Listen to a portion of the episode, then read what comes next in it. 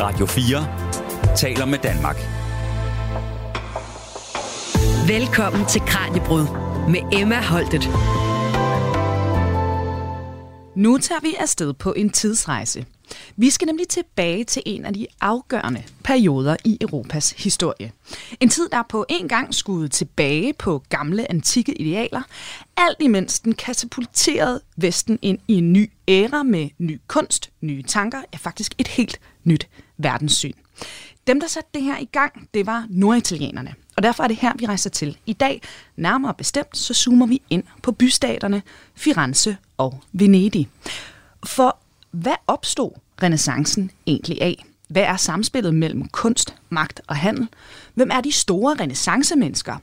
Og hvordan falder det norditalienske søimperium endelig ned fra magtens allerhøjeste tinde? Vi ser også nærmere på, hvad vi egentlig kan bruge den her historie til i dag, for hvor meget kan vi lære om nutiden ved at dvæle ved fortiden. Det dykker vi altså alt sammen ned i nu, når vi rejser ind i den norditalienske renaissance og en fortælling om kunst, krig og ikke mindst masser af kolde kontanter. Velkommen her til dagens Kranjebrud. Du lytter til Radio 4. Og også velkommen til vores ekspert i dag. Det er historiker Martin Husted. Martin, tak igen igen, fordi du var med. Tak fordi du måtte komme.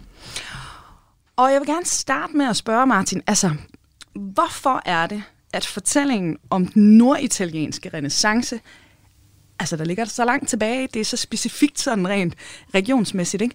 Hvorfor er den stadig relevant for os i dag i Danmark? Ja, altså i Danmark det er nok en ting, den der sådan mere, kan man sige, øh, vestlige selvforståelse, ikke? at vi har her et kulturhistorisk epoke, som vi sådan spiller ind i, og man må også sige, hvis man sådan ser ud lidt bredere fra, fra Danmark, så øh, er det jo noget, der er altså spillevende. Det er jo svært at forestille sig et, øh, lad os sige, en, et gymnasieforløb, hvor man ikke møder renaissancefigurerne, mm. eller et historieforløb om renaissancen, men samtidig så er det jo også, vil nogen måske også sådan påpege, en eller anden form for ja, eksperimentarium for øh, det moderne, hvor vi altså, som du også var inde på i, i de første oplæg her, spejler os selv lidt i, i nutiden.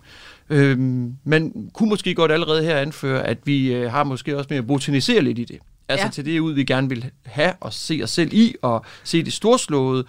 Og man skal jo altså også øh, måske lige have med på i sådan en lidt mere historisk udlægning, at hvor mange af de mennesker, der, der, der levede den her periode, 14-1500-tallet, øh, altså hvis vi, det er sådan, vi definerer renaissancen, mm. øh, hvor mange af dem oplevede i sig selv som værende i den her tidsperiode, der var øh, forskellig fra den tidligere tid. Så det var nok en epoke for de få, hvis man sådan lige skal være lidt nøgtern og hård. Det er sådan lidt en elitær bevægelse. Det, det, det vil jeg våge at påstå. Ja. Altså, og det er måske også noget af det, der gør den interessant for os i dag, ikke? Altså, når man besøger de her storslåede italienske byer, Firenze og Venedig er måske de mest centrale, men altså, der er jo en hel håndfuld af, af, af byer her, store små, Lucca, Siena og Genova, som altså har en, øhm, en rolle at spille i det her og hvor at øh, renaissancens både bykultur jo stadigvæk efterlader os med, med de her bygningsværker, som vi benår os over, men altså også hele den her ja, måde, og øh, som du også øh, lige åbnede lidt for, at, at, at bruge kunsten i samarbejde med et, et andet, altså for det for at propagandere et andet menneskesyn, men måske også at fremme ens egen øh, ja, fraktion, eller mm. den, den, den øh, gruppe, man nu engang tilhørte, dens interesser i det offentlige rum. Så altså, på den måde der er renaissance jo også moderne.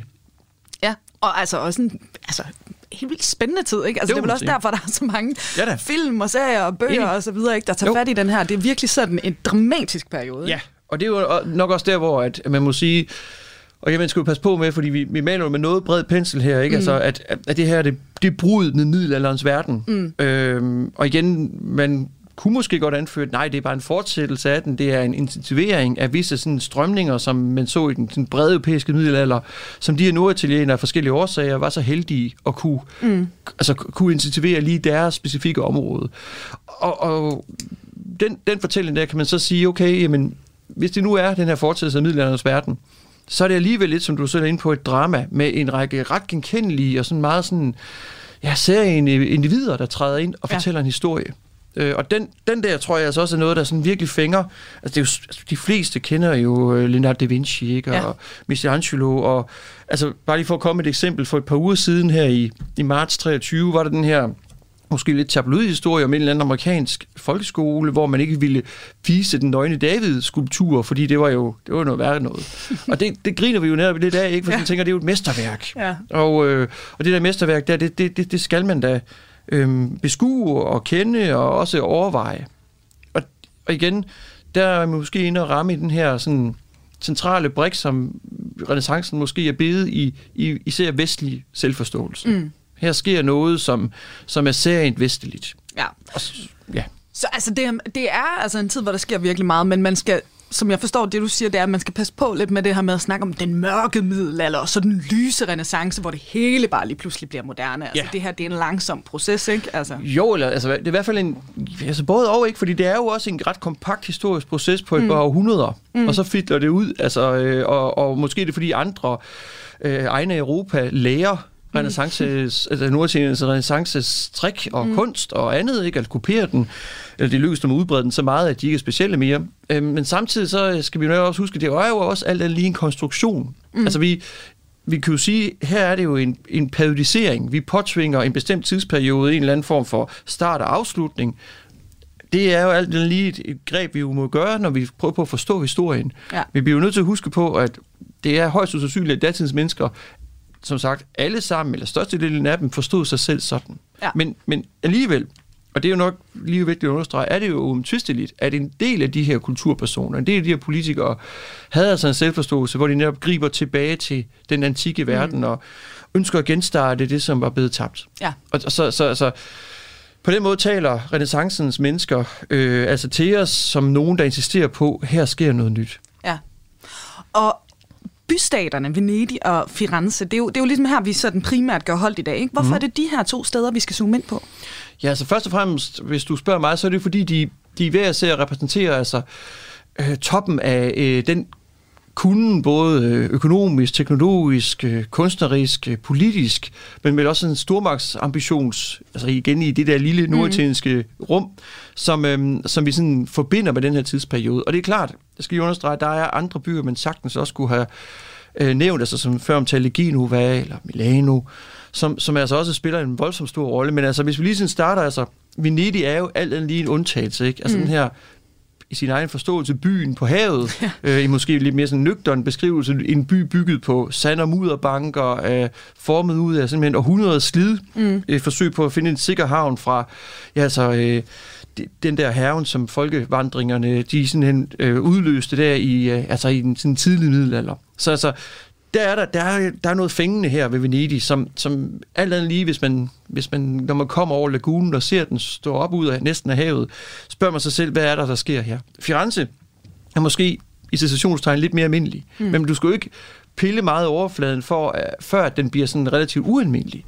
Altså det er jo i uh, den her tidsperiode her, i, uh, ja, altså helt til fra 1300-tallet og frem til uh, 1500-tallet, på mange måder sådan en politisk krudtønde, altså med øh, republikanske perioder, nogle gange øh, ret, altså ret korte, men alligevel et, et forsøg på sådan at, at genstarte og gennemføre en anden måde at organisere hele det politiske system og samfundslivet på, som igen gør det meget moderne, ikke? Og en, et, et byrum også, som øh, altså igen med visse forbehold, som også trækker visse paralleller, eller i hvert fald, der er et ekko af tekstilindustriens Firenze, og den, den lad os kalde det igen, arbejderklasse i citationstegn, og så industrialiseringen i 1800-tallet, 1700-tallets verden. Mm. Så, så på den måde der, så er der sådan et eks- eksperimentarium i det, og igen, jeg skal lige sige, vi skal passe meget på her med at, sådan at, at, at krydse mellem tidsperioder og se paralleller til det ene og det andet, men alligevel, når du sådan spørger, hvorfor er det, vi kigger på det, jamen, intet kommer jo intet. Mm. Og man kan sige, at florentinerne, venetianerne, øh, har så øh, på godt og ondt den her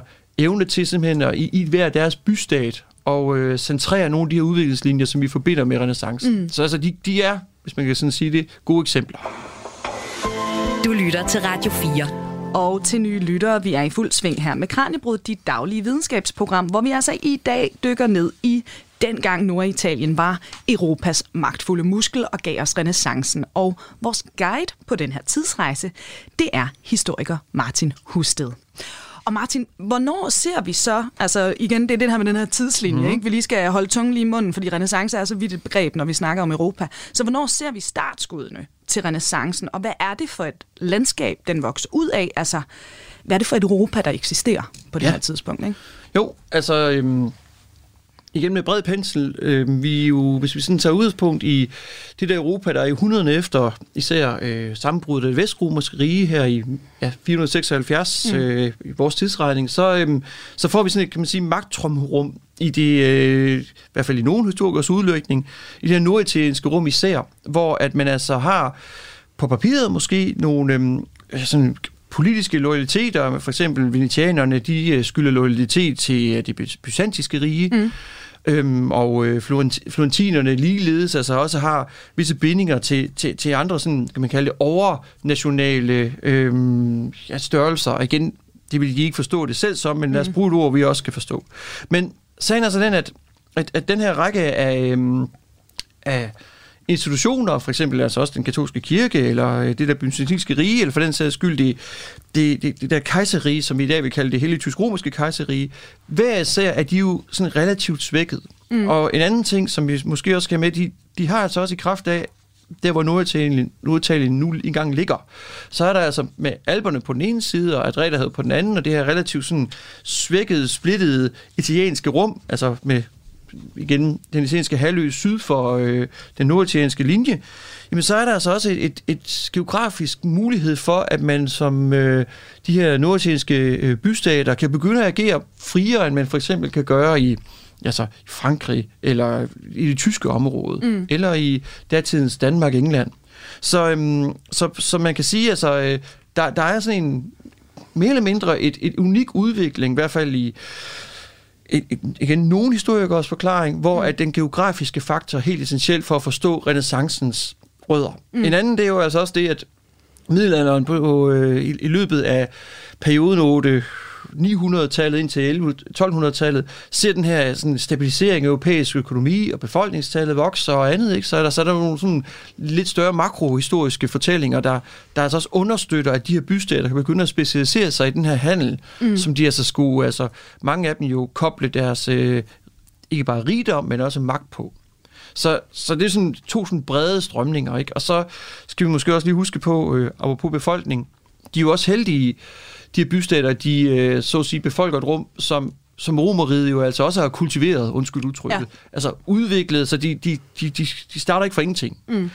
Og øh, det betyder bestemt ikke, at de bare så at sige går ind og tager nøglerne for dem, romerne har efterladt, og så arbejder videre derfra. De skal, skal, også arbejde for det. Men den der øh, infrastruktur, de romerske veje, som man anlagde, og hele den her sådan, handel, som i hvert fald i sådan, nogenlunde kan genstartes, som altså især venetianerne jo genstarter, det er jo altså en, hvor at, at romerne, i hvert fald i visse dele af det her rum, som Norditalien befolker, allerede har været. Mm. Så, øh, så der er jo meget at, at, at, bygge, bygge videre på, eller i hvert fald inspireres af, hvis man kan sige det sådan. Og, og hvad med Italien? Det tænker mm. jeg altså også lige, vi skal have klarlagt, fordi det er jo slet ikke det land, vi kender i, i dag. Nej. Så hvad er det for en samling af bystater, øh, mm. og, og hvad er deres forhold til hinanden? Jamen så, det, det, det starter jo altså med sådan en, kan man sige, en, en, en god håndfuld, øh, faktisk relativt små bystater, mm. som altså næsten ligesom øh, de, de græske bystater i antikken, alt andet lige ikke er herre over mere end en, en, sådan et, et lille lokalområde omkring selve bystatens område. Og så har vi altså, øh, som sagt, sådan en politisk fragmentering imellem den. Altså, de bliver bundet sammen med et fælles sprog og en fælles religion, ikke? Altså, den katolske kirke er jo den andetstedsnedværende magtfaktor her, i hvert fald i, ikke bare i åndslivet, men også i det politiske mm. og dagliglivet. Men, men samtidig så er de her bystater altså også sådan, sådan ret interesseret i, så at sige, at, at fremme deres egen selvstændighed på bekostning af hinandens, men øh, man ser altså også i, i løbet af den her periode her, altså fra 1100-tallet og frem efter, øh, dels en stadig større specialisering. Nogle af dem, Venedig, øh, måske en af de fremmeste, men altså også Genova, øh, begynder altså at specialisere sig i den her søhandel. Og så er der altså andre øh, landbundne bystater som Firenze, der altså må, må se sig om efter andre muligheder for at øh, ikke bare sådan skabe altså, overlevelsesmulighed, men også at skabe vækst. Og der er Florentino jo altså benået med, at man øh, har adgang til en relativt stor øh, altså, bybefolkning, som man altså over, over tid øh, formår ikke bare at udbygge, men altså også nogenlunde fastholde med, med arbejdspladser og andet. Så altså, i, i, i hele den her øh, hvad skal, hvad skal vi sige, gensidig påvirkning af en befolkningsvækst, en økonomisk vækst i generelt Europa, nogle handelsveje, som man altså får reetableret og intensiveret, mm. så, øh, så ligger det her Norditalien altså rigtig, rigtig godt. Og som sagt, det er altså sådan et fragmenteret politisk rum bestående af en assortering af forskellige småstater, vil vi kalde det i dag, mm-hmm. øh, men altså som sagt bystater eller mindre fyrstedømmer, som, som i sådan forskellige skiftende konstellationer øh, prøver på at spise lidt af hinandens territorium. øhm, og i starten, der er, det, der er det sådan en, kan man sige, en, en blomstrende proces, og så er det altså, hvis vi kommer op, eller når vi kommer op, senere i renaissanceperioden, så er det udskidelsesløb jo godt i gang. Mm-hmm. Og så er der altså en del af de her, øh, der var med til at begynde med, Luca Siena, øhm, som altså begynder at falde fra og blive, undskyld udtryk, slugt af nogle af de sådan større, især Firenze og Venedig. Og nu er du lidt ind på det, altså det her med, øh, med handelen, ikke? Fordi for, altså for at blive et magtcentrum, der skal man jo have nogle midler. Mm-hmm. Så altså, hvilket handel er det, der gør, at lige præcis Norditalien bliver den her sådan vækstmotor ja. i Europa? Altså, øhm, vi skal huske på, at altså, generelt set ikke, så øh, hvis vi siger sådan middelalderens verden, så for, de, altså for størstedelen af befolkningen, er det jo et, et ja, relativt øh, mangelsamfund. Mm. Og øh, så har man altså, altså så i, især de her bystater her, men altså også rundt omkring i Europa. Vi skal også huske, der er jo også andre meget succesfulde byer, der altså begynder at dukke op. London, Paris, mm. som jo af gode grunde også har været der tidligere, men altså også begynder at, at, at, at blomstre igen. Men, men, men i, i de her byer her, og især altså også i den her europæiske, øh, det her europæiske aristokrati, er der jo altså en appetit på luksusvarer. Ja. Og øh, især i byerne er der altså en, måske en, en større appetit på det end andre steder. Så, øh, så handlen er altså som sagt en, øh, en drivkraft. Og den handel der, der lykkedes det altså især for de her, øh, lad os kalde det maritimagterne, altså Venedig øh, fremmes, men altså også Nemesis og Genova, og begyndte sådan at, at sætte sig eller reetablere nogle af de der handelsruter til den verden, som man altså havde lidt havde mistet kontakten med. Og det, mm. det, det, er jo sådan en, det er jo sådan en lineær proces, det er sådan en, en kan man sige, stop and go, og, og noget af det er altså sådan virkelig sådan for øh, europæerne tilbage i det vi der vil kalde Mellemøsten, ikke? Altså, øh, det er jo altså korstogene. Mm. Og det er jo altså her, hvor de her bystater specialiserer sig i at bringe kristne pilgrimme og soldater til korstog, øh, på korstog og få dem bragt ned til Mellemøsten. Og så for Venedig kommer man lidt sent ud af starthullerne, men har jo altså den her placering oppe i bunden af Adretterhavet. Den ligger ikke så godt i forhold til øh, at, at, at koble sig på i hvert fald de, sådan, det første korstog, men, men lidt senere begynder man altså at indse, at her er noget, og... Øh, og koble sig på, og man får især med det fjerde korstog, mm. øh, i sådan en, nu, nu vil kalde det, og især dem, der i hvert fald i datiden anså Venedig for sådan en skrupelløs købmandsby, villig til at sælge sin sjæl for hvad som helst. Mm. Altså der, øh, venetianerne laver en, en øh, aftale med en række øh, korsfarer, og øh, de fragter så de her, øh, den her korsfarer her til Konstantinopel, det gør de 1203 stykker. Og det er sådan, i, i hvert fald i sådan en lidt, kan man sige, suppetegning udlægning. Venetianerne siger, det er et stop, men øh, det, der så sker, det er, at man hisser så hinanden op til altså indtage Konstantinopel. Mm. Og øh, man plyndrer altså byen, og hvis man besøger Venedig den dag i dag, vil man jo stadigvæk i Markus Kirken kunne se de her byzantinske heste, som altså øh, som står der. Og det er jo sådan et, et, et øh, berygtet eksempel på øh, venetianernes, igen, den her skrupelløshed. Mm. Altså, at man, man fragter, fragter kristne ridere, der vil på korstog i det hellige land, faktisk hen til en anden del af kristendommen, det er tilfældet den øh, Byzantium mm. eller Konstantinopel, og så øh, plynder man byen og svækker måske det bedste værn, som, som kristendommen har her i øh, den her del af verden, mod øh, det, som man altså på det tidspunkt anser som den sådan helt store fjende, nemlig den muslimske verden. Og det er jo altså noget, som igen efterfølgende får venetianerne altså så fodfæst i Sortehavet. På den måde får de altså kontakt til for eksempel øh, handelsveje fra ja, over altså Lilleasien og Indien, måske endda helt til Kina. Mm. Læg mærke til, der bliver det altså mellemmænd og fragtmænd i et større og større og mere og mere kompliceret handelsnetværk, hvor de altså kan fodre de her europæiske eliter med de der, dels luksusvarer, men altså også med noget så simpelt som egyptisk bomuld, som man jo altså også så sender videre til for eksempel Firenze, hvor at tekstilarbejderne så forarbejder det. Radio 4 taler med Danmark. Vi skal i det næste kapitel se nærmere på den her storhedstid, altså den her renaissance i Norditalien, den jo bliver. Og også hvad forbindelserne er mellem militær, kunst, kirke og den her handel, vi står og snakker om lige nu. Og for at få os skudt i gang med det, der skal vi altså lige blive klogere på netop det her begreb, sådan renaissance kunst, ikke blot den norditalienske, fordi de her norditalienske tendenser spreder sig jo altså ud i resten af Vesten. Renaissancen som tid og begreb, det er noget, man ofte hører i forbindelse med datidens kunst og arkitektur. Og øh, Maria Fabricius Hansen er professor i kunsthistorie ved Institut for Kunst og Kulturvidenskab på Københavns Universitet, og hun fortæller, at renaissancen altså bød på en markant forandret kunst end tidligere middelalderens kunst, altså den kunst, der kommer før, den handler om det evige, og det er religiøse motiver, der er afbildet helgener og personer, som man sådan set ikke ved egentlig, hvordan, hvordan ser de ud. Altså, vi er ude over den jordiske verden. Og i renaissancen sker der det, at man ret pludselig retter blikket mod øh, det denne side, altså mod øh, verden omkring os. Altså, det vil sige, at man begynder at male landskaber, det har man ikke gjort før. Man begynder at male øh, enkelte specifikke mennesker, portrætter, det har man heller ikke gjort før. Så det er altså en helt ny motivkreds og en helt, et helt nyt billedrum, der kommer ind på det tidspunkt der, sådan ikke fra den ene dag til den anden, men det sker ret øh, pludselig i, i løbet af 1400-tallet i Firenze og, og, og i Italien. Hvad kan den ændring skyldes? Uh, det er et stort spørgsmål. altså, jeg tror, at hvis vi skal ind på de der helt store forklaringer, så har det at gøre med, hvordan mennesker lever. Lever man øh, i isolerede små øh, øh landsamfund i en middelalder Europa, som er tyndt befolket, eller lever man i en bykultur? Og det er det nye der øh, fra det begynder allerede øh, omkring 1200-tallet og frem, at der begynder at opstå byer i Europa. Det har der simpelthen ikke været middelalderen igennem. Og når der begynder at opstå byer, så er der en anden form for øh, socialøkonomisk overskud til at arbejde med kunst på en anden måde, og man begynder at have en afstand til den natur, man før levede midt i. Øh, og så begynder man sådan set at få øje på den og få, få blik for det. Altså, det var jo småbyer stadigvæk. Det er jo ikke noget, der kan sammenlignes med en moderne storby. Men øh, der er forskel på, om man lever i et ganske lille øh, landsbysamfund, hvor alle kender alle, og man lever i et bysamfund, hvor man begynder i højere grad måske at være enkelt individer. Var motiverne ikke stadigvæk øh, ofte øh, med et eller andet form for religiøst streg? Jo, helt sikkert. Altså den helt store aftager af kunst, det er kirken og, og klostre og hvad der ellers er.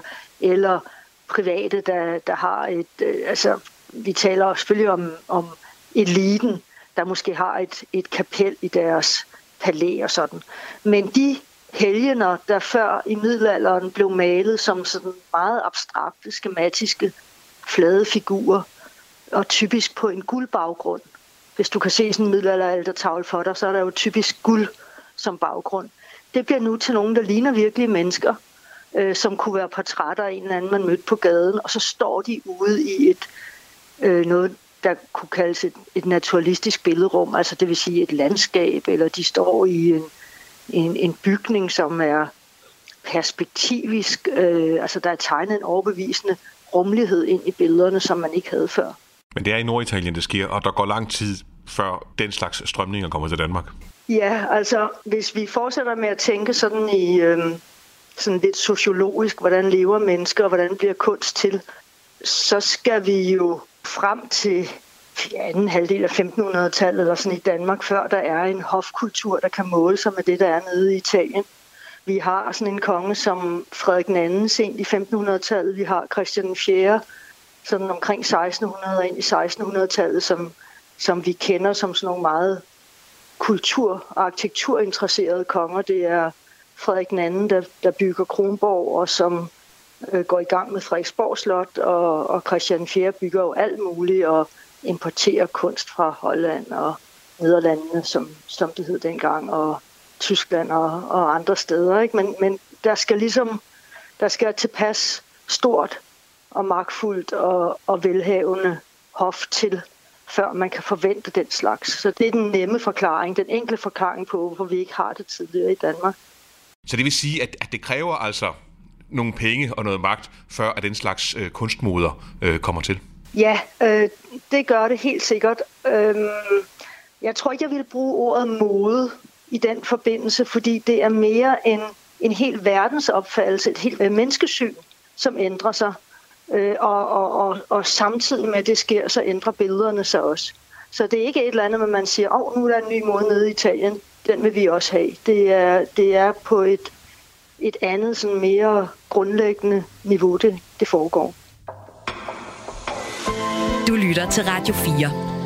Renaissancens kunst er jo et meget velbeskrevet, påpeger Maria Fabricius Hansen, fordi allerede i 1550 udkom et stort bogværk om italiensk kunst fra 1300-tallet og frem. Giorgio Vasari hed maleren, og øh, titlen blev oversat til berømte renaissancekunstneres levnet, da den udkom på dansk i 1945. Og det bogværk, det er altså en af grundene til, at italiensk kunst, og især Firenze, er i særlig høj status i kunsthistorien, fortæller Maria Fabricius Hansen. Du lytter til Radio 4. Og til dig, der er kommet til undervejs, du lytter altså til Kranjebrud, dit daglige videnskabsprogram, hvor vi i dag har besøg af historiker Martin Husted, som guider os igennem en rejse ud i Norditaliens renaissance. En øh, fortælling om blandt andet krig, kunst og en hel masse handel og kontanter. Og nu skal vi altså se nærmere på storhedstiden, når vi taler om øh, renaissancen, især i de her norditalienske bystater, hvor vi i dag altså zoomer særligt ind på Venedig og Firenze. Og øh, Martin, personificeringen af den her storhedstid, det bliver altså, når det kommer til kunsten og store tænkere, altså mænd som Michelangelo, Da Vinci osv. Men når det kommer til personificeringen af rigdom og magt, så er det en familie, der hedder Medici. Mm-hmm. Hvad er det huset Medici i Firenze, de er så sindssygt gode til?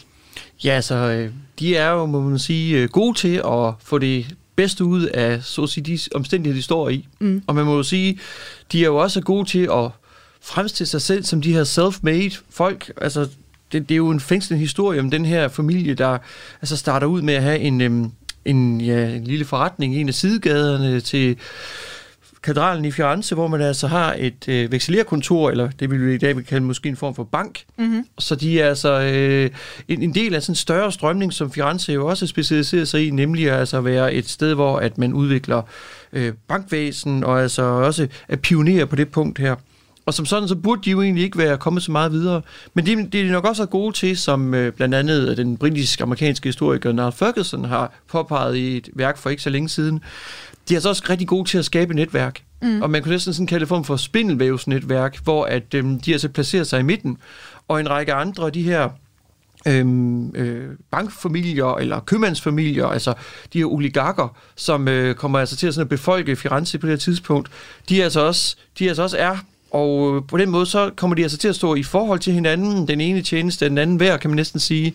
Og i løbet af et par generationer får man altså, øh, øh, ser man altså et avancement her, hvor at øh, Medicierne altså går fra at være ja, altså, en blandt mange mm-hmm. af mhm. sådan rige og øh, velbemidlede bank familier og dynastier til altså at avancere op, så man altså bliver, de bliver en af, af byens første sådan, førende familier, og til sidst så bliver de altså en del af den her ja, det, det, fyrstehus, som de ja. altså får grundlægge sig. Og det er jo altså en, nu er det jo sådan en indkapsuleret en ret øh, lang fortælling, som de er ude på her. Men de første generationer er altså den her opstigen, den her familie, hvor man altså ser det her hårde slid, men også øh, evnen til at placere sig ordentligt i, og, og for eksempel også bruge ægteskab, som det er jo ikke ukendt vel, men som en, øh, en, et strategisk forbindelsesled imellem den ene og den anden magtfulde familie. Og så samtidig, så skal vi måske også lige huske, og det er jo, nu skal man passe godt på, ikke? fordi der er jo også nogle, kulturelle fordomme, der straks kommer, men det lugter jo også lidt af sådan en mafia-lignende struktur, mm. som, øh, som de gør, gør så brug af her. Og vi skal, vil jeg sige, bestemt ikke overromantisere deres vej mod magten. Altså, som så mange andre fortællinger om, om, ja, om magt, så er det her en, en blodig omgang, ikke? hvor der altså også er en del modpres fra... Øhm, andre grupperinger, men altså også nogle gange fra en sådan større gruppe i det florentinske samfund. Og det får vi måske sådan en lille blik ind i også de her, øh, hvad kan man kalde det, det sociale univers, som de her, den her Medici eller Medici-familie skal, skal manøvrere i. Altså den har jo på den ene side de her andre oligark familier, skråstræk dynastier, klaner. Ja. Samtidig så har man altså også andre bystater, som kigger sulten på Firenze. Oven i det, som jeg også var inde på tidligere, så er Firenze altså også det her, i hvert fald i nogen tidspunkt i dets historie, øh, ja, sådan revolutionære, sprængfarlige øh, by, byrum, hvor at, at popologen, altså de borgere, som, som ikke har en part i det her eventyr, som Firenze udvikler sig til, mm. altså ikke har en særlig stor økonomisk øh, gevinst af for eksempel tekstilindustrien, ikke er bankfolk osv., at de sådan rejser sig og insisterer på nogle altså på, på en nyordning af det politiske system.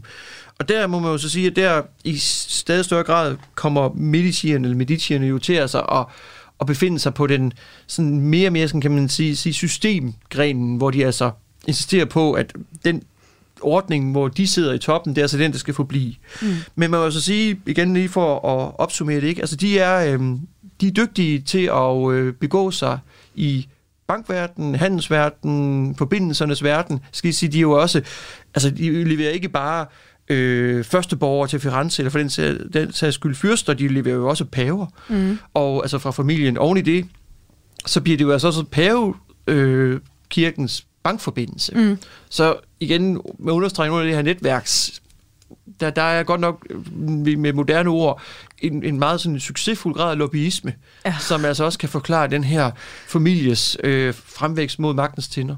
Apropos det her med, med, med magten, for nu har vi talt meget om, øh, om også handelen ikke? Mm. Altså, og indflydelsen der, men, men altså, der skal jo også nogle muskler til ja. i, i den her storhedstid. Så hvis vi snakker sådan militær, herre, mm. hvordan ser det ud på det her tidspunkt i Norditalien? Hvem har det? Ja, altså det er faktisk, øh, synes jeg, øh, ret paradoxalt billede, vi ser, når vi ser rent militærhistorisk på det. Man vil jo forestille sig, at de her bystater havde sådan store stående hære, som de brugte til at enten at bekrige hinanden, eller holde, ja, altså den der føromtale, for eksempel Popolon i Firenze lidt i skak med. Men som så mange andre steder i middelalderens verden, eller for den sags skyld den førmoderne verden i Europa, mm. så, øh, det, så er det rigtig, rigtig dyrt at have en stående her. Og øh, det, den der økonomiske forklaring går, altså hjælper jo så langt, hen, altså langt stykke hen ad vejen til at forstå, hvorfor de ikke har det. Samtidig så er der altså også i, i, øhm, i visse perioder øh, en, øh, en dyb mistro blandt øh, de her, øh, den her købmandsadel, eller øh, sådan den der gryende øh, middelklasse, lad os kalde det det, i visse af de her bystater, til at fyrsten eller den siddende øh, første borger, oligarken eller handelsaristokratiet, at de rent faktisk kan øh, betros en her. Ja. Så derfor så er det egentlig, vi ser for at gå en lang historie kort, det er lejesoldatvæsen. Simpelthen. Simpelthen. Ja. Og det er altså et, hvor at, det bliver sådan øh, lidt tragisk komisk faktisk. Altså, det, det, øh, det opstår mere eller mindre på grund af, at man altså har det her øh, korstogsvæsen, hvor Italien er sådan transitområdet, og der er altså en række, undskyld udtrykket, lykkeridere, som ikke kommer længere end Italien.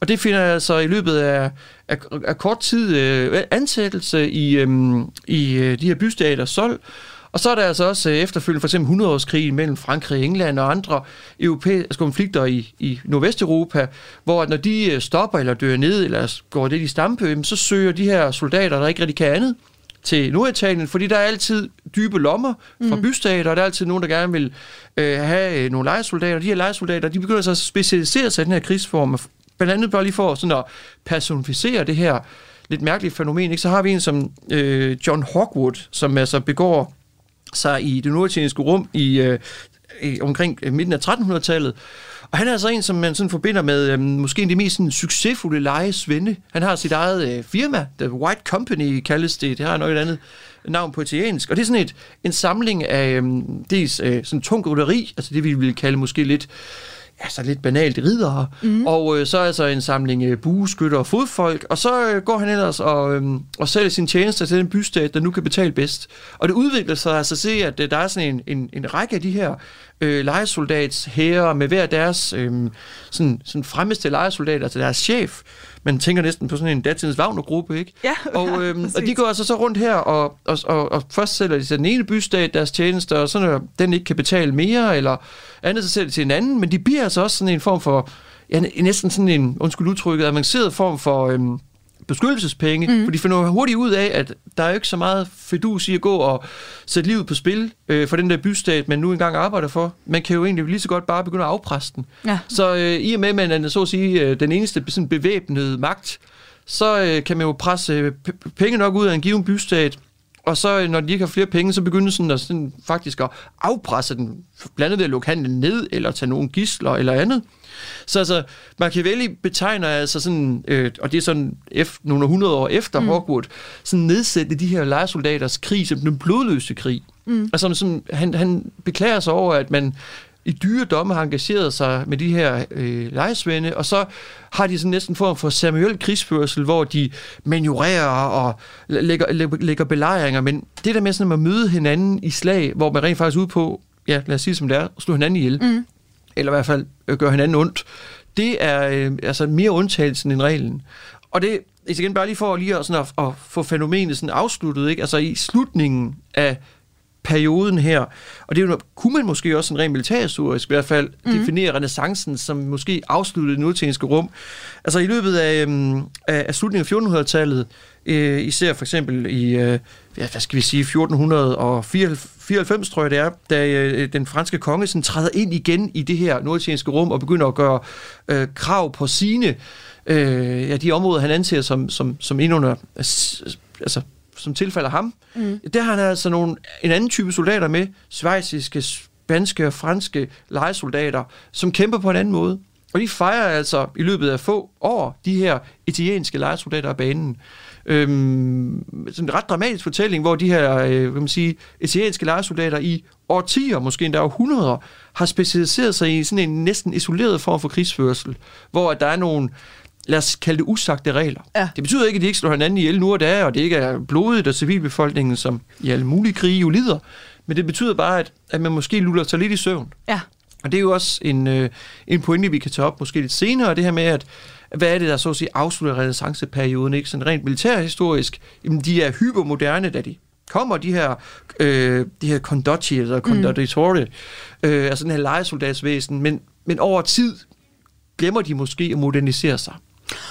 Og netop som du siger, det skal vi ind på lige om, om lidt. Inden der, Martin, der vil jeg gerne lige spørge, altså hvad med kirken? Ja. Vi har lige kort været inde på det, men altså religions verdensbillede, det udfordres jo også, altså netop i den her mm-hmm. periode. Så hvor er deres indflydelse henne, sådan lidt, lidt kort fortalt? Jamen, den, den er da central. Altså, altså central er måske endda et fattigt ord. Det er, øh, de det, er på toppen, ikke? Ja, det er det, det, ja. det, klid, ikke, som binder ikke bare dagligdagslivet sammen, men mm. altså også som øh, de her øh, magthavere forstår sig selv igennem. Mm. Øh, Machiavellis pointe eller ej. Altså det kan godt være, at han sådan understreger, læg nu lidt på hylden, men altså, som vi også hører i indslaget om, kunst, om kunsten, det er da det billede, som man ser sig selv i, og oven i det, øh, udover at pavekirken har, at den katolske kirke har en, en rolle i dagliglivet og i åndslivet, så har den selvfølgelig også en klar politisk øh, funktion. Og der må man så sige, igen med Norditalien, der er der jo sådan nogle undtagelser, som alligevel er interessante. Lad os, lad os tage for eksempel Venedig. Op til flere gange i løbet af Venedigs historie øh, kommer Venedig i så store, kan man sige, kontroverser med, med pavekirken, at man simpelthen øh, får op, altså enten bliver truet med at få hele byen ekskommunikeret, mm. eller, eller det rent faktisk sker. Og det er jo altså fordi venetianerne insisterer på, at interessen til handelen går før dets øh, ja, altså, tilknytning til at gøre, hvad pavekirken insisterer på. Mm. Og det er jo altså venetianernes øh, evige handel med netop den altså, muslimske verden, for hvor de er altså mellemmænd, og hvor venetianerne altså påpeger, kirken er jo også aftager, altså aftager, undskyld, af øhm, altså luksusgoderne og mm. andet, så øh, på den måde der, så, så må man måske se lidt mere pragmatisk på det, end kirken i hvert fald i perioder gør. Der er jo, må man sige, måske lidt underdrevet et ret konfliktfuldt forhold mellem den, den kristne verden og den muslimske verden, i hvert fald i, i, i sidste del af renaissanceperioden. Mm. Så altså, den, den, det er der en, en spiller, som er umulig at komme udenom, og det er jo også derfor, hvis vi går tilbage til Firenze, at uh, Medicierne altså, går efter at installere simpelthen en pave, og bliver øh, også pavekirkens bankforbindelse, som sagt. Samtidig skal vi også huske på, at de her byer her, Øh, tager vi til Venedig, så er det en af de byer, hvor der er flest kirker. Mm. Og øh, i Firenze, dem, er, altså, dem der besøger øh, den her meget, meget smukke by, så spiller altså domkirken jo en central rolle i byrummet. Ikke? Så øh, at komme udenom øh, kirken, det er i forhold til den her fortælling her, det, det vil være svært. Men samtidig, og jeg ved godt, det lige skulle være kort, men bare lige en, en enkelt pointe, ikke? det er altid svært, når ja, det, må man sige, ikke? Så, ja. så bliver kirken jo altså også udfordret igen, hvis vi tager fat i, altså nu så vi udfordringen fra i, i Venedig, hvor man mm. sådan sagde, der var nogle handelsinteresser, og der er øh, måske strid mod nogle, øh, nu det sænger for kirken. Men altså i Firenze, der har vi altså også en periode her i slutningen af 1400-tallet med ham her, munken Savonarola, mm. som er sådan en, øh, altså igen, omdiskuteret skikkelse, men altså en, der jo øh, igennem sin prædiken om øh, sådan en, en antimateriel tilgang, altså udfordrer ikke bare mediciernes øh, fyrstehus og dets forbrug af kunst, og hele faktisk renaissancekunsten som sådan, og øh, det, det levnet, som øh, øh, købmandsoligarkierne har lavet, men altså også om udfordrer den katolske kirkes autoritet. Ja. Og han er jo i hvert fald i nogens udlægning sådan en næsten luthersk figur. Og læg mærke til, at altså, han bliver brændt på bålet i 1498, og det er jo ikke længe Øh, der er jo ikke længe til, at, at Luther altså begynder at udfordre kirkens enhed. I, det er 1517. Mm. Så, øhm, så nogen vil jo sådan at sige, at der, der, der er der altså sådan en sprække, hvor at nordtjenerne igen lige er en omgang foran. Mm. Samtidig så skal man også måske tænke også på, at, at Samarola er altså også en skikkelse, som jo ikke nødvendigvis bryder med kirken, men måske øh, prøver på at hive kirken væk fra det, som i hvert fald i hans kritik, den var bedet, nemlig sådan et, altså et, et som Luther jo også slog på, altså hvor at det materielle og, og, og måske og præsternes bedre økonomiske og sociale kår i forhold til den befolkning, de så at sige skulle være præster for, mm. at, at der var altså kommet en for stor forskel. Altså, der var en sket en fremmedgørelse. Og Martin, alting har jo en ende, mm-hmm. og mhm. vi nærmer os så småt slutningen også her på, på dagens program, og derfor så skal vi også se på slutningen af, af det her magtmonopol og, og handelsmonopol. Altså, hvornår begynder der at komme revner i, i Norditaliens sådan europæiske magthøjborg? Ja, altså det er jo som så meget andet historie, så er det jo altså en serie udfordringer, som området her pludselig står overfor. Vi var inde på det øh, lille kort tidligere, det her med, at der er altså i slutningen af 1400-tallet, der begynder de her øh, europæiske kongemagter, især mm-hmm. den mhm. franske konge for eksempel, at gøre sit indtog igen i de norditalienske rum. Og så kan man så sige, så er den der geografiske isolation, som vi talte om til at starte med, altså i hvert fald øh, blevet brudt. Mm. Samtidig så er der altså også øh, en konsolidering af nogle af de her europæiske øh, kejser og kongeriger, der gør, at, øh, at man måske ikke har den her, hvad skal man sige, evne til at bestemme sin egen politiske kurs mere, som man altså havde i, på, altså i 1314 altså 13-1400-tallet. Mm. Så, øhm, så, så den her magt og rigdom, som man har fået sig øh, skabt, mm. den bliver altså noget, som tiltrækker en vis opmærksomhed for omverdenen. En anden øh, ting, som vi jo også skal huske på, det er, at øh, der er den her krig mod øh, den nye sådan, store stormagt i øh, den muslimske verden, nemlig Osmaneriet. Mm. Og den tapper altså især venetianerne, og, øh, og, og gør, at venetianerne må altså hele tiden ses over skulderen i det der søimperium, de har fået sig skabt, som altså går, strækker sig over Kreta og med strategiske trædesten hele vejen op til Venedig gennem Adriaterhavet.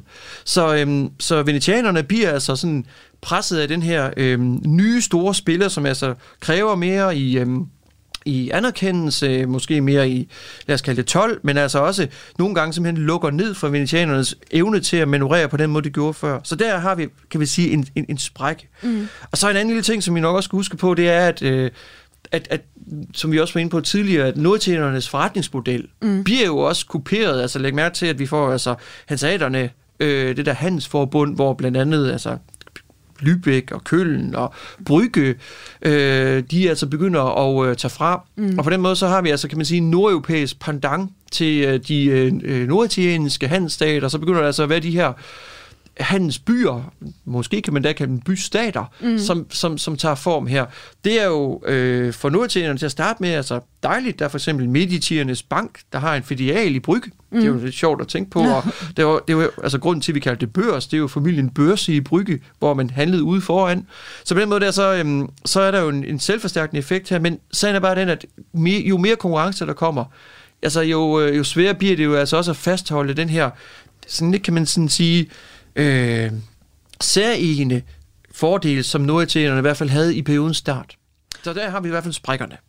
Og altså, hvad er det så, der giver dødstødet? Og, øh, og også, altså, hvornår får vi så det i Italien, mm. vi kender i dag? Ja, altså, igen, det er stærkt omdiskuteret, men altså, hvis du spørger mig, så er det altså svært at komme udenom, at øh, med den, altså med, med, med, lad os kalde det opdagelsesrejserne, øh, dels øh, de portugisiske, men også øh, øh, de, de, de spanske, altså mm. både i stationstegn opdagelsen af Amerika, men altså også det her med, at man sejler ned og altså finder sydvejen til Indien, læg mærke til, det var jo det, som Columbus egentlig satte afsted for, mm. og det var jo for rent faktisk, vil mange jo sige, at omgå venetianerne, så genovesernes monopol på den her øh, øh, sortehavsbaseret søvej, hvor vi altså havde hele forbindelsen til Indien, Kina, igen med måske lidt groft sagt, men den her, den her forbindelse der, som både var land- og søvejsbaseret, var jo noget, som berigede de her, øh, eller undskyld, forgyldte de her venetianere og genoveser voldsomt. Mm. Når de her Atlanterhavsbaserede magter, Portugal, Spanien, og så senere hen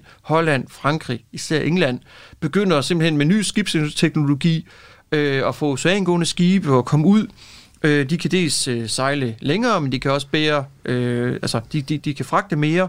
Så begynder det altså at gå rigtig, rigtig ondt på den nordiske øh, evne til, undskyld udtrykket, at være det der termen i for verdenshandlen. Ja. I hvert fald, som de kaldte det dengang. Altså, de mister simpelthen deres monopol, ikke? Det må man sige. Ja. Øh, og, øh, og, og der bliver, og igen, det, det er øh, lidt, med lidt, lidt grov pensel her, ikke? Men altså, de går fra at være center til at være periferi. Mm. Og det, det sker altså relativt hurtigt, og det, det sjove er jo også, at der er jo i hvert fald visse kilder, der sådan giver et godt indblik ind i, at især venetianerne har jo altså en, sådan en, en, en, en sådan ret hurtig erkendelse af, at øh, de her opdagelser, de her, de her forandringer af skibsteknologien, skal jeg sige, venetianerne, at det, skibe var jo primært de her galejer, designet mm. til Middelhavet, lidt roligere vande, hvor man altså sejlede øh, næsten ikke ud, så man ikke kunne se kysten mere, altså, og også i visse, visse øh, årstider var det altså, man især sejlede de bliver jo totalt udfordret den her sådan øh, gryende skibsteknologi, som øh, portugiserne, spanierne bruger. Ja.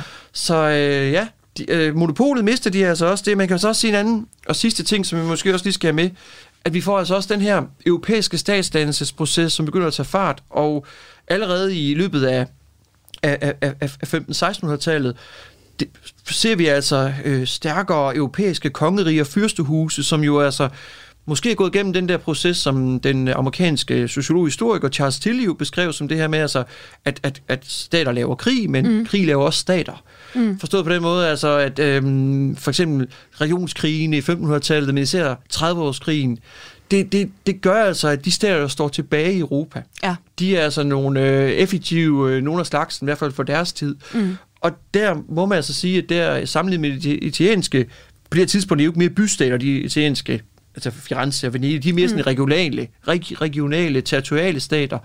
Men, men der er altså sket et skifte. Og det er jo altså ikke, igen, hvis vi sådan lige ser det langt lys på, og siger, at Italien til i dag, som du spørger om, jamen så, så, øh, så, så sker der jo en, øh, jeg vil ikke sige på nogen måde Italien, som sådan går i glemmebogen, vel? Mm. Men det bliver måske mere den der, de byer, vi taler om her, øh, Venedig og Firenze, med de her museumsbyer, kulturbyer, som vi kender i dag. Mm. Og Italien bliver jo altså også et, øh, et problem for Europa, snarere end et vækstcentrum. Uh, altså i 1700-tallet og i, i 1800-tallet er det jo, hvem skal samle Italien? Skal Italien samles? Hvilken stormagt, Frankrig, Østrig, uh, skal spille en rolle i, i det italienske rum? Mm. Og apropos, fordi tiden den, den øh, ja. går hurtigt her, Martin, mm. til sidst, fordi vi skal lige nå at runde det her. Øhm, Italien bliver jo samlet, ja. kan man sige, og, og, og er altså den dag i dag stadig noget, der er til giver problemer i europæisk kontekst. Det er jo ikke ligefrem noget, vi ser på nu som sådan et magtcentrum med en masse drive osv. Og oven i det, så taler vi jo samtidig om det velhavende, velfungerende mm. nord over for Syditalien. Så hvor rimeligt er det egentlig at trække trådet tilbage til for eksempel det, der sker i renaissancen, mm. når vi så kigger på Italien i dag? Altså i øh, moderne italiensk selvforståelse, og især i moderne italiensk politik, mm. så synes det jo være et fuldstændig legitimt synspunkt ja. til sydenladende, at, øh, at man norditaliener, så øh, er det der ægteskab med det fattige, underudviklede Syditalien, igen i situationstegn, mm. det er et, der, som er, en, det er blevet påtvunget en. Og øh, helt tilbage til den endelige sådan, samling i slutningen, slutningen af 1850'erne, øh, under Sadi Piedmont, ham her Cavour, som er den store sådan, statsmand, der samler Italien. Der er der jo den her sådan, kan man sige, indbyggede fejl i samlingen, eller i fornuftægteskabet, at mm. man, man har altså et landområde her, som måske er forenet i tro og i kultur, og måske endda også i, altså også i sprog selvfølgelig. Men, men, men selvforståelsen er markant anderledes. Og der er det jo svært at komme udenom, at de her norditalienske stater, som vi, bystater, som vi har talt om, og senere stater, de er der vel den ramme, som sådan øh, moderne norditalienere sådan spiller ind i. Mm. Altså her for et par år siden besøgte jeg øh, den, den der region, der hedder Veneto, mm. hvor Venedig jo er, er hovedbyen i, og der havde jeg været ude at besøge, eller se, et øh, solærkirkegård fra 1. verdenskrig. Og der viste jeg så nogle af billederne til øh, en italiener, der jeg havde taget af den der kirkegård, der tilfældigvis sad ved siden af mig. Og øh, han reagerede sådan lidt med, at den der italienske trikolore, der var der på det område, der, det synes han ikke nødvendigvis var rigtigt, fordi det her var jo Veneto, altså Venedig, mm. en, en republik, der havde varet i undskyld, tusind år. Så man kan jo minde at man ville hans øh, synspunkt, og det er jo bare en, en stemme blandt så mange andre, men jeg tror alligevel, der er en vis græn af, øh, af interesse i det, fordi her har vi altså et menneske, som, som ser sig selv øh, afsondret fra den der centralmagt, som har til hus i Rom, mm-hmm. og som heller ikke nødvendigvis ser sig selv i en national skæbnefortælling med folk, der bor i Napoli eller på Sicilien, eller for den sags skyld. Så, så, så fragmenteringen mellem syd og nord, den er der, der jo øh, min bedste vurdering, og man må også sige, når man ser på, når man ser på italiensk politik, eller den kører jeg bedste velgående. Mm. Også udviklingsmæssigt, mm. som du selv var inde på, med det mere sådan industrialiserede, moderne Norditalien, og det lidt mindre, bedre kørende syd, Syditalien. Og det bliver simpelthen alt, vi får tid til i den her omgang af Kranjebrud. Historiker Martin Hudsted, tusind tak, fordi du vil være vores guide her på den her, jo, altså tour de force igennem et kæmpe emne, ikke? det er en fornøjelse. Og hvis du vil høre mere med Martin, så går du bare på opdagelse ind i vores arkiv, enten på hjemmesiden, på din streamingtjeneste eller på Radio 4. Appen her er det nemlig ikke længe siden, at Martin og jeg vi dykkede ned i historien om atombomben over Hiroshima, og det program det blev sendt den 5. april. Indtil øh, vi ses igen her på kanalen kl. 12.10 i morgen, så er der ikke andet tilbage end at sige farvel for nu. Mit navn er Emma Elisabeth Holtet. Kranjebrød er produceret af Videnslyd fra Radio 4. På genhør og hæng på, for nu er det blevet tid til nyhederne. Du har lyttet til en podcast fra Radio 4. Find flere episoder i vores app, eller der, hvor du lytter til podcast. Radio 4 taler med Danmark.